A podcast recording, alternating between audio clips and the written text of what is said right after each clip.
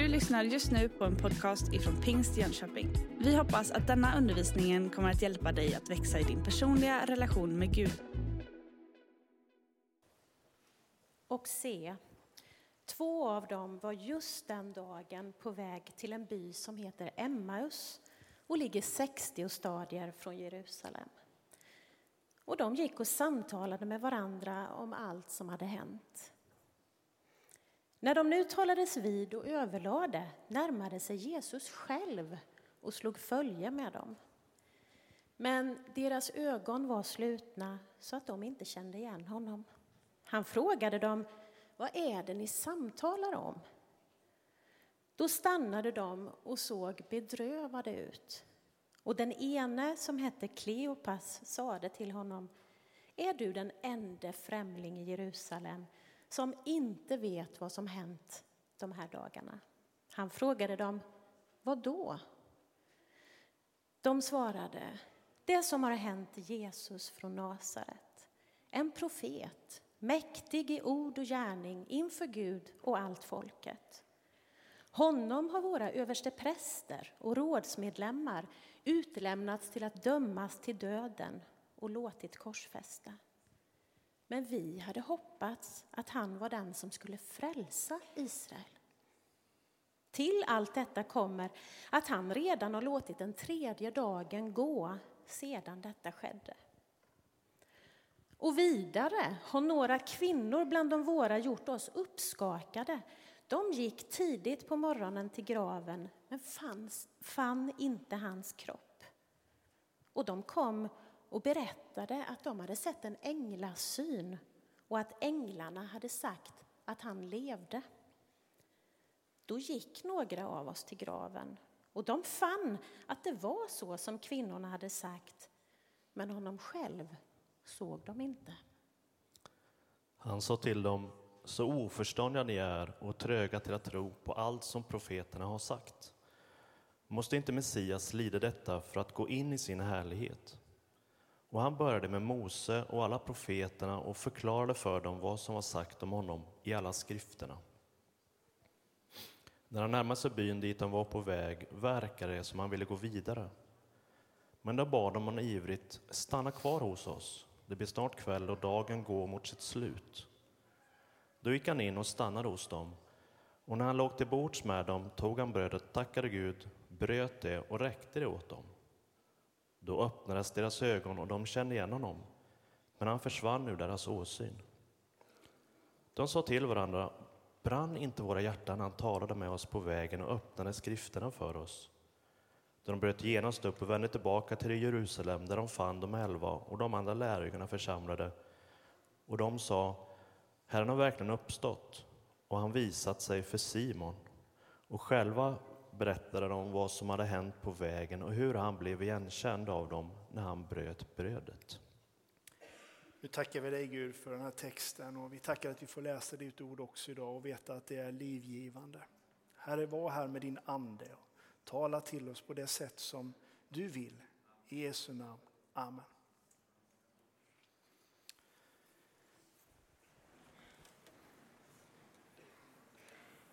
Det var Malin Gunnar Gårdhyps och Rickard Lindberg som också arbetar på June folkhögskola.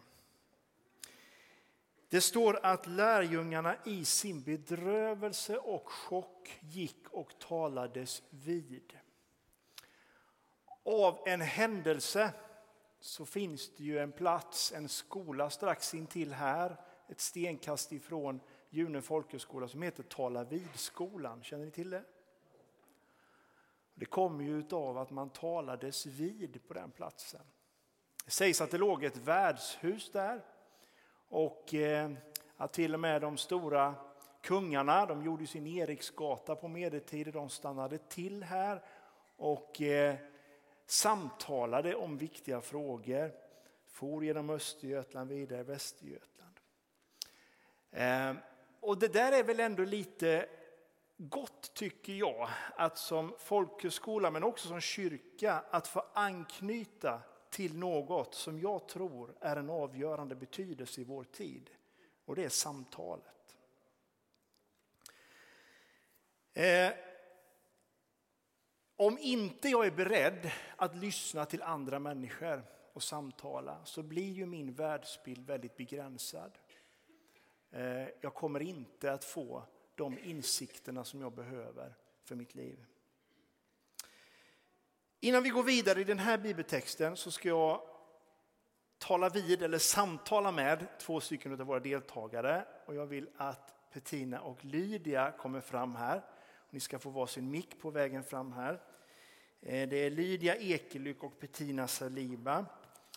Och, ehm, jag tycker att det är frimodigt utav dem så jag tycker vi ger dem en varm applåd.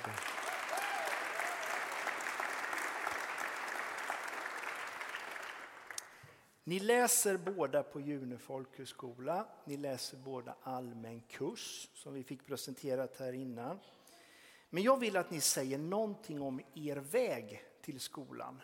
Alltså någonting om livet innan. Ska du börja Lydia? Ja, jag är uppvuxen i en kristen familj, som många av oss här inne kanske är.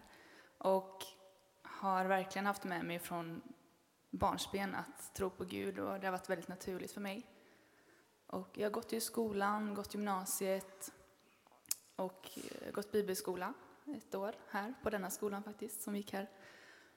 Och det har varit väldigt naturligt för mig och jag har haft Gud med mig hela tiden och det har varit mer som en process. Jag har inte riktigt haft, eh, jag har inte riktigt ett datum att då blev jag frälst utan det har varit en livsresa.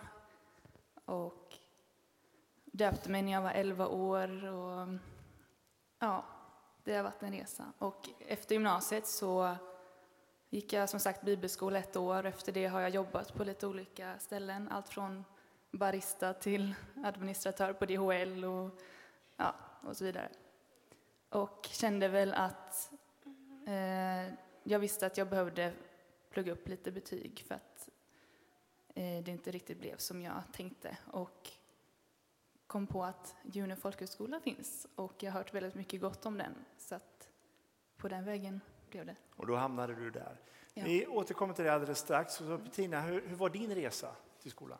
Ja, min var lite tvärtom. Jag är inte uppväxt med Jesus i centrum. Mina föräldrar är ortodoxa.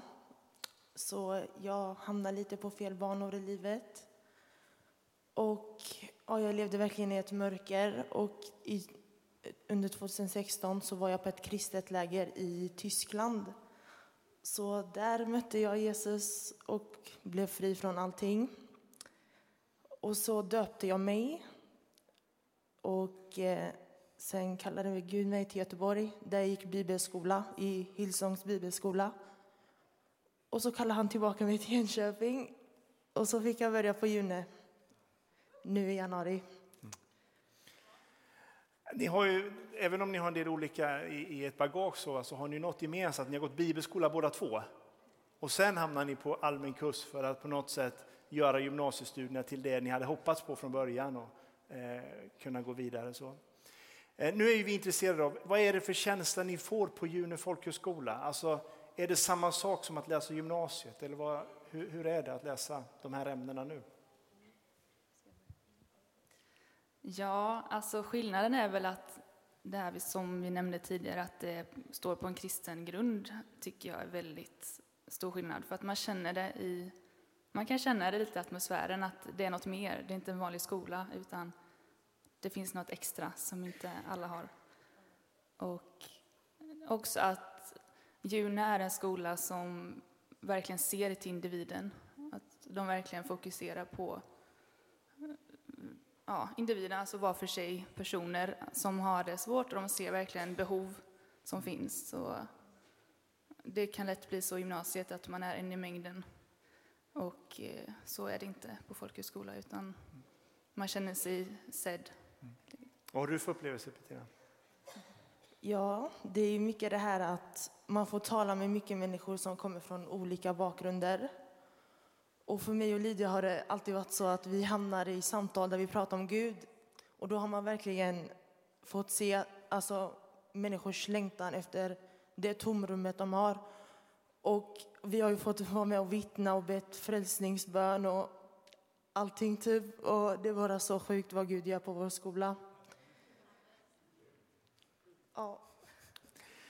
Alltså det är svårt att inte känna att ni trivs, att ni inte tycker att det är en bra skola. Och det var ju därför jag valde er. Nej, men, eh, alltså det är ju så att ni tillför ju någonting ni också på skolan. Alltså vi har ju fantastiska lärare och det är människor som bjuder på sig själva. Men, men ni bidrar ju med något enormt också. Det vill jag passa på att säga till er just nu. Eh, vi har ju andakter Eh, frivilliga sådana och ni är de som drar folk dit och, och ni är själva med där liksom backar upp. Och eh, det händer ju någonting i en sån atmosfär och det är så eh, otroligt roligt. Så kul att ni är hos oss. Ni ska stanna, tänker vi, många år. Men jag vet ju att ni vill gå vidare sen också. Vad har ni för tanke med utbildningen? Vad, vad, vad vill ni sen? Ja, för mig är det inte riktigt 100% färdigt vad jag ska göra, men jag är lite inne på att bli socialpedagog. Jobba lite med människor kanske, ungdomar. Mm. Du var rätt klar med din uppfattning Bettina. Jag ska bli polis. Yes. Ja, men det hoppas vi verkligen. Och som du sa, liksom, att kunna hjälpa människor som, som eh, du känner i din, vet behöver stödet av, mm. inte minst kvinnliga poliser. Nej. Är det något mer du vill säga om det? Nej. Nej, det tar vi en annan gång. Tusen tack för att ni var med.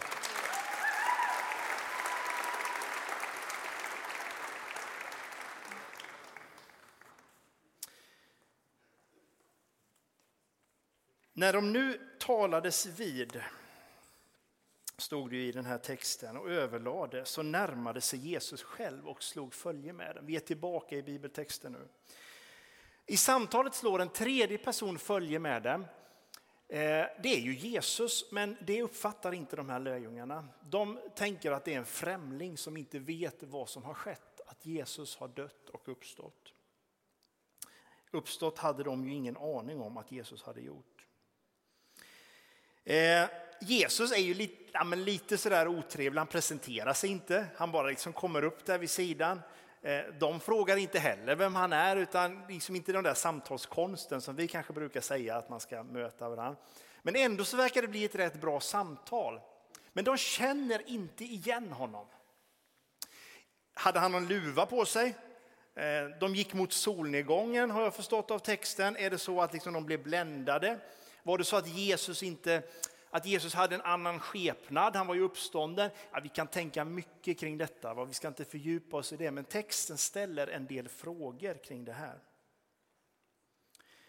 Men i samtalet så märker vi att fokuset är på den förtvivlan som lärjungarna känner. Men vi hade hoppats, säger lärjungarna, att han var den som skulle frälsa Israel. Det finns en författare och präst som heter James Martin och han skriver i en av sina böcker och han skriver så här att de här orden vi hade hoppats kanske är de sorgligaste i hela Nya testamentet. Det ligger något i det. De här lärjungarna har gett tre av sina, li år, eh, av sina liv tre år av sina liv till att följa en mästare som nu är död och som de inte känner till har uppstått. Hoppet hade helt försvunnit. Och samtidigt är det en märklig situation. De går och talar samtidigt med honom som de ojar sig över är död. Det är jättemärkligt.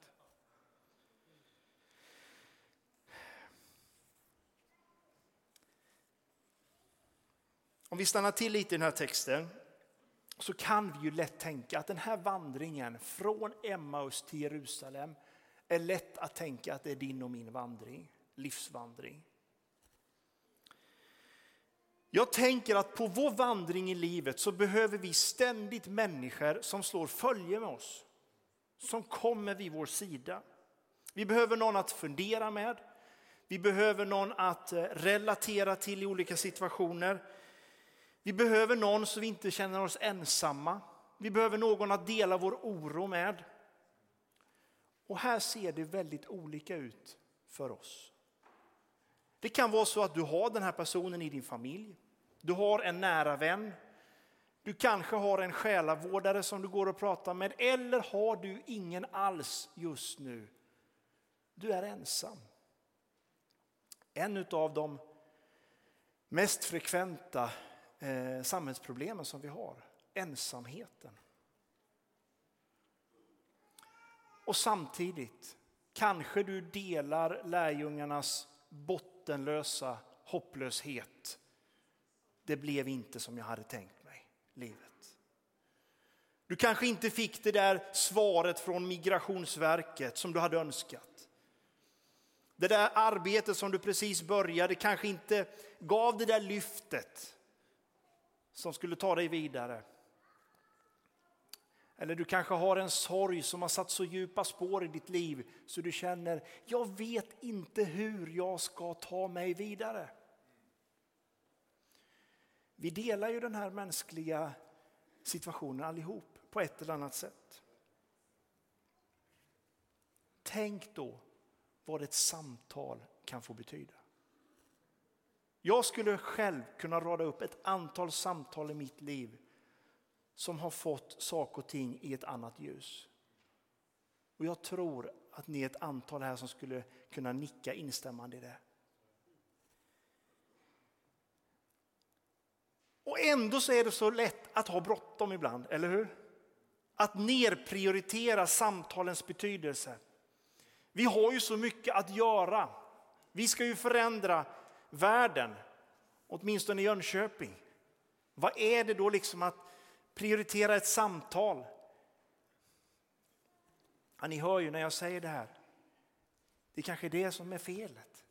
Ibland har vi alldeles för bråttom för att se att det är i samtalen med andra medmänniskor som vi är med och bygger Guds rike.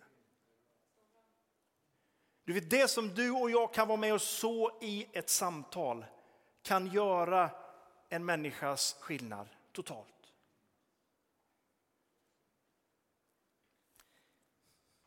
Ett gott samtal kan skapa hopp. Ett bra samtal kan signalera, jag går med dig. Du är inte ensam. Och dessutom, Jesus är intresserad av varje samtal som förs i Jönköping.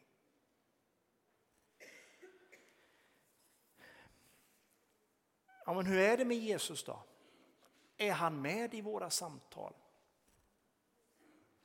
Så här står det i vers 16. Men deras ögon var slutna så att de inte kände igen honom.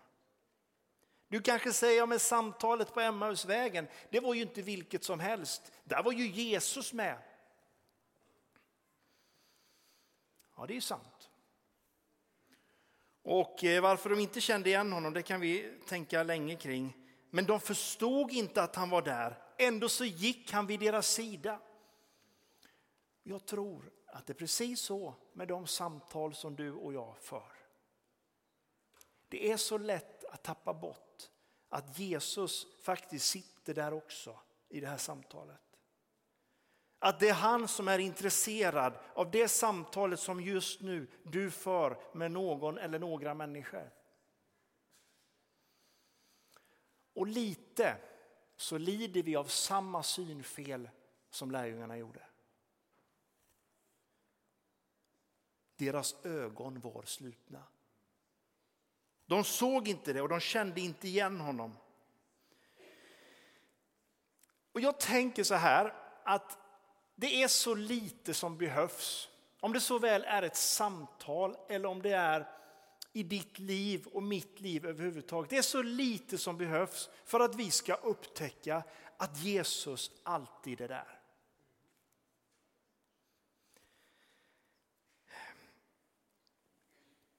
Jag tänker när man ser barnen blåsa såpbubblor. Ni vet det är en fantastisk grej det där att det är såpa och så två hinnor och sen är det vatten däremellan. Jag tror det är så, det kan beskrivas. Och så räcker det att man liksom petar på den där såpbubblan så försvinner den. Jag tänker att det är en sån där tunn hinna ofta. Ifrån att vi ser att det är Gud som talar till oss. Att vi ser att Gud är där.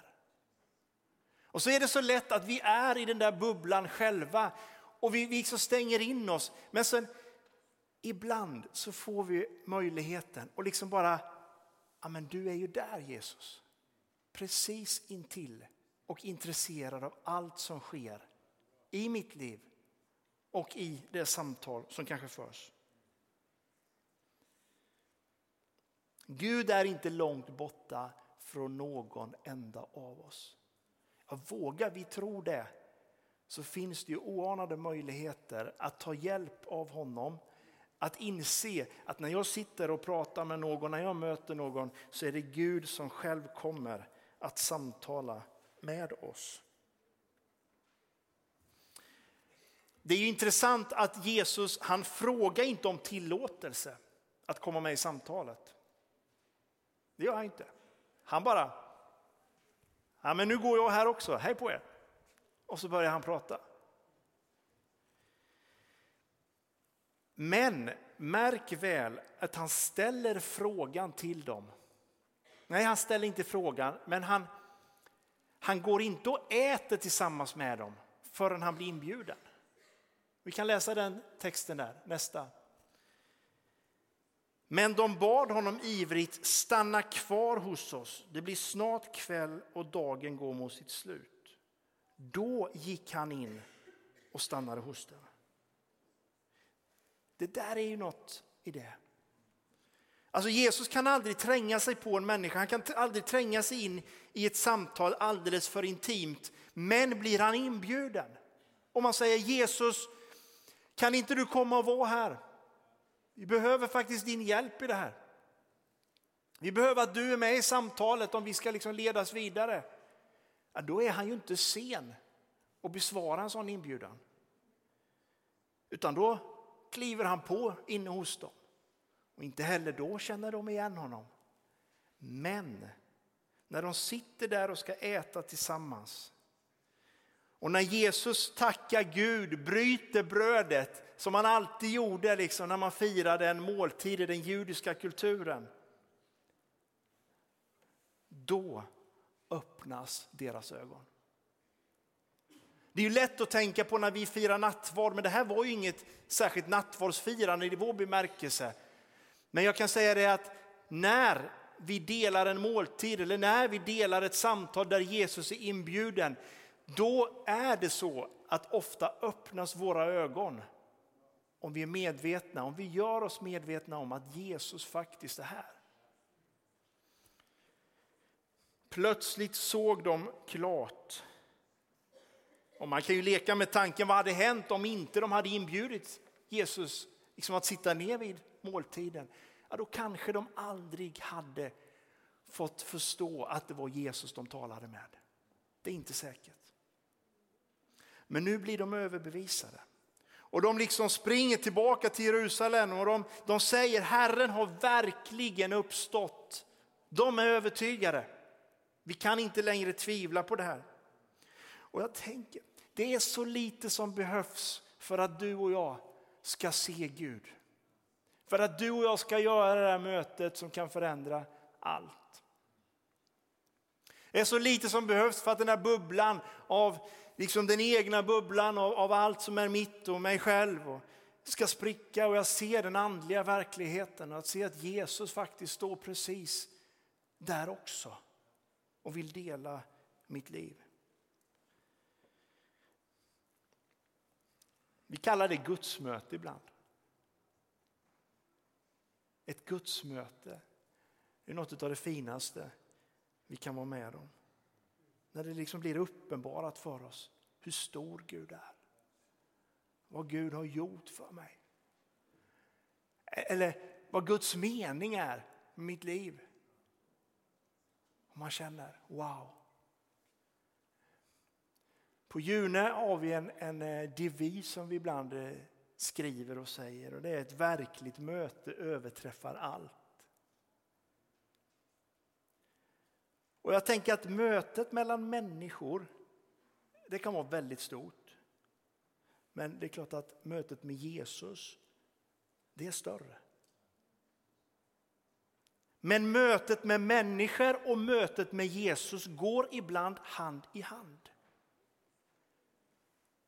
Och den här texten är verkligen ett bevis på det. Att inte slarva bort ett samtal. Att tro att Gud går med i det här. När vi sitter och pratar om en svår situation, när vi sitter och visionerar om framtiden, när allt verkar hopplöst, så är Jesus i det. Det var han som tog initiativ att slå följe med lärjungarna, men det var de som bjöd in honom. Du har just lyssnat på en podcast ifrån Pingst Jönköping. För att få reda på mer om vilka vi är och vad som händer i vår kyrka så kan du gå in på pingstjonkoping.se eller följa oss på sociala medier via pingstjkpg.